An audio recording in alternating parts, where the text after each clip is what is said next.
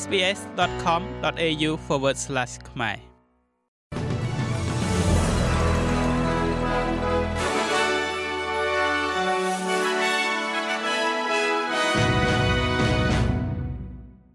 ចាសសូមស្វាគមន៍មកកាន់នេតិព័ត៌មានខ្លីៗរបស់ SBS ខ្មែរសម្រាប់ថ្ងៃអង្គារទី4ខែកក្កដាឆ្នាំ2023 ព័ត៌មានដំបូងគេនេះគឺពាក់ព័ន្ធជាមួយនឹងអត្រាការប្រាក់ដែលត្រូវបានទប់ឲ្យនៅអត្រាដដែលគឺនៅត្រឹម4.10%ក្រុមប្រឹក្សាភិបាលធនាគារកណ្ដាល ABA និយាយថាខ្លួនពេញចិត្តចំពោះការដំឡើងអត្រាការប្រាក់ចំនួន12លើកកាលពីលើកមុនមុនគិតចាប់តាំងពីខែឧសភាឆ្នាំមុនមក ដែលវាកំពុងជាឥទ្ធិពលដល់ការបង្កើតតុល្យភាពប្រកបដោយនិរន្តរភាពបន្ថែមទៀត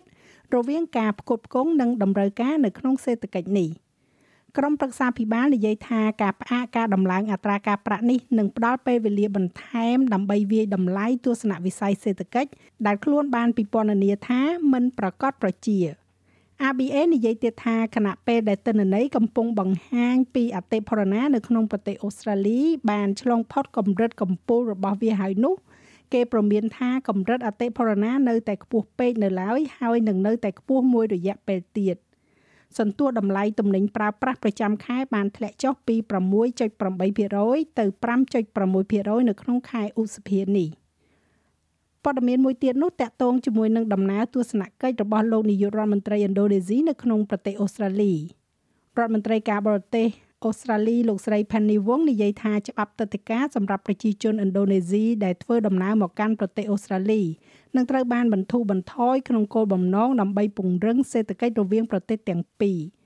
ប្រធានាធិបតីឥណ្ឌូនេស៊ីលោកជូកូវីដូដូបានមកដល់ទីក្រុងស៊ីដនីកាលពីយប់ថ្ងៃច័ន្ទសម្រាប់ដំណើរទស្សនកិច្ចរយៈពេល3ថ្ងៃនៅក្នុងប្រទេសនេះ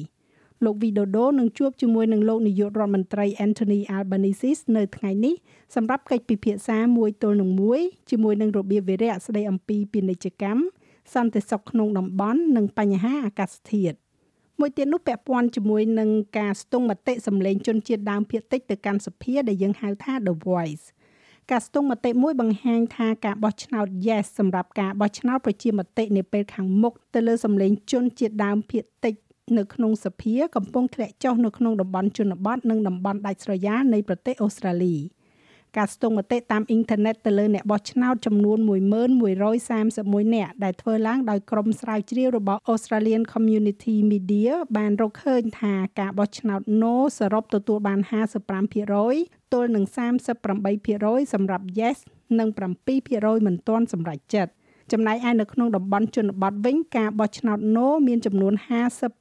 57%ហើយការបោះឆ្នោត Yes មានចំនួន35%ជាមួយនឹង8%មិនទាន់សម្រេចចិត្ត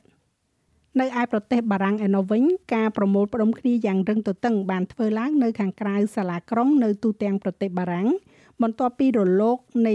កុបកម្មមួយដែលបានបង្កឡើងដោយប៉ូលីសបានបាញ់សម្លាប់យុវជនវ័យក្មេងម្នាក់ ដែលមានដើមកំណើតជនជាតិអាហ្វ្រិកខាងជើង កាលពីយប់មិញប៉ូលីសបានចាប់ខ្លួនក្រុមបាតកោជិត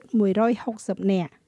ការស្លាប់របស់ Nehal អាយុ17ឆ្នាំដែលមានឪពុកម្ដាយជាជនជាតិ Algeria និងម៉ារ៉ុកបានបង្កឲ្យមានកំហឹងនិងនាំឲ្យមានការប៉ះទង្គិចជាច្រើនលើកជាមួយនឹងប៉ូលីសនិងការខូចខាតទ្រព្យសម្បត្តិ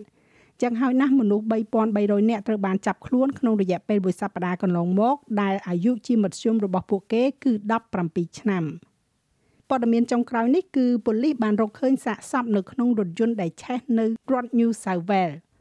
ក្រុងចឹងមនុស្សត្រូវបានគេរកឃើញនៅក្នុងរថយន្តដែលឆេះនៅភូមិខាងលិចនិងភូមិខាងត្បូងនៃទីក្រុងស៊ីដនីកាលពីយប់មិញនេះ សេវាសង្គ្រោះបន្ទាន់បានរកឃើញរថយន្ត Toyota RAV4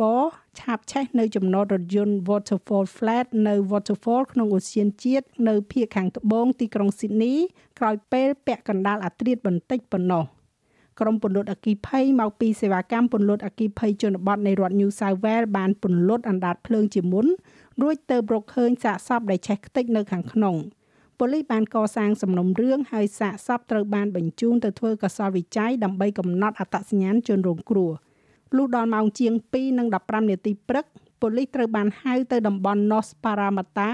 ហើយបានរកឃើញរថយន្តដែលឆេះមួយគ្រឿងទៀតដោយបន្សល់ទុកនៅក្រងឆ្អឹងនៅខាងក្នុងគេមិនទាន់ដឹងច្បាស់នោះទេថាតើព្រឹត្តិការណ៍ទាំងពីរនេះមានទំនាក់ទំនងគ្នាឬក៏អត់នោះ។